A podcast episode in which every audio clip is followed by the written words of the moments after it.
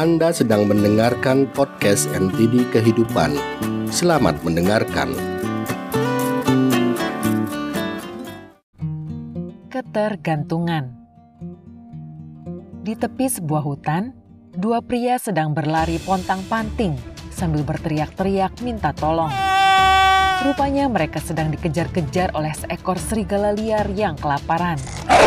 Teriakan mereka didengar oleh seorang pemburu yang bergegas datang dan menembak si serigala tepat sebelum binatang buas itu menerkam. Kedua pria itu sangat bersyukur bisa lolos dari maut. Kelelahan, mereka diundang si pemburu untuk beristirahat di rumahnya yang terletak tidak jauh dari sana. Setiba di rumah si pemburu, mereka menceritakan asal-usul diri mereka masing-masing.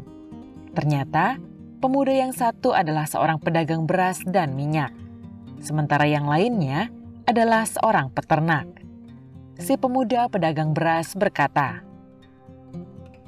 "Bapak, sebagai tanda terima kasih, sebulan lagi saya akan datang ke sini dengan segerobak beras dan minyak goreng untuk mencukupi kebutuhan keluarga Bapak selama tiga bulan."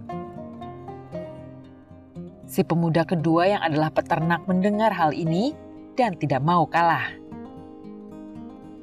Bapak, sebagai balas budi, saya juga akan datang ke sini sebulan lagi dengan beberapa ekor angsa, telur, keju, dan mentega olahan untuk mencukupi kebutuhan keluarga Bapak selama tiga bulan.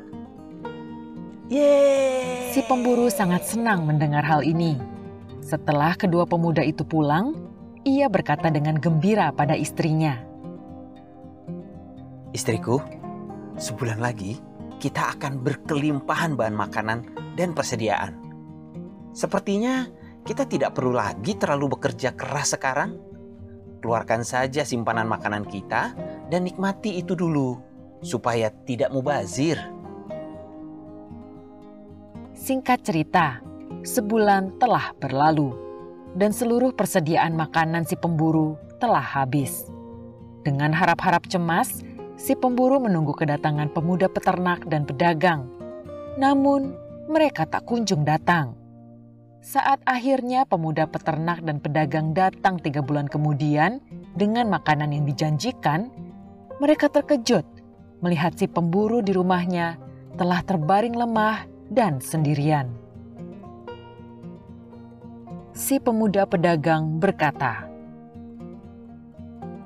"Pak, aduh, apa yang terjadi?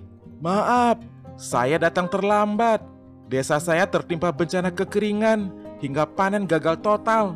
Ini beras dan minyak yang saya janjikan dulu. Tidak banyak, namun mohon diterima." Sementara si pemuda peternak juga terburu-buru meminta maaf saya juga minta maaf, Pak.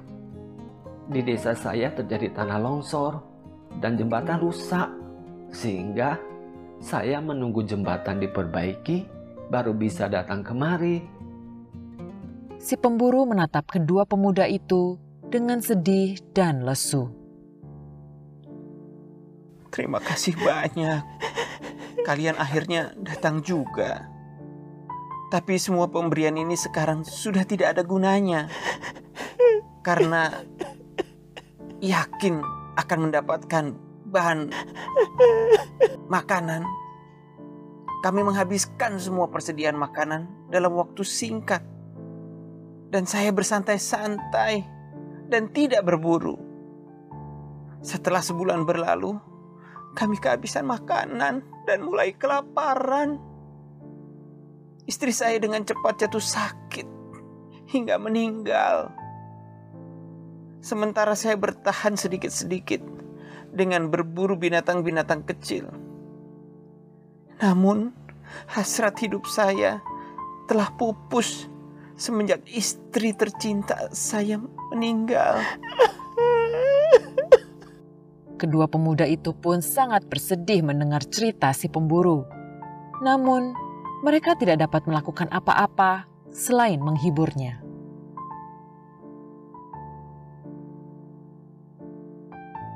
Terbiasa menggantungkan diri pada segala pemberian, bantuan, atau belas kasihan dari orang lain disertai hidup bermalas-malasan adalah sikap hidup yang tidak baik dan dapat berakibat fatal.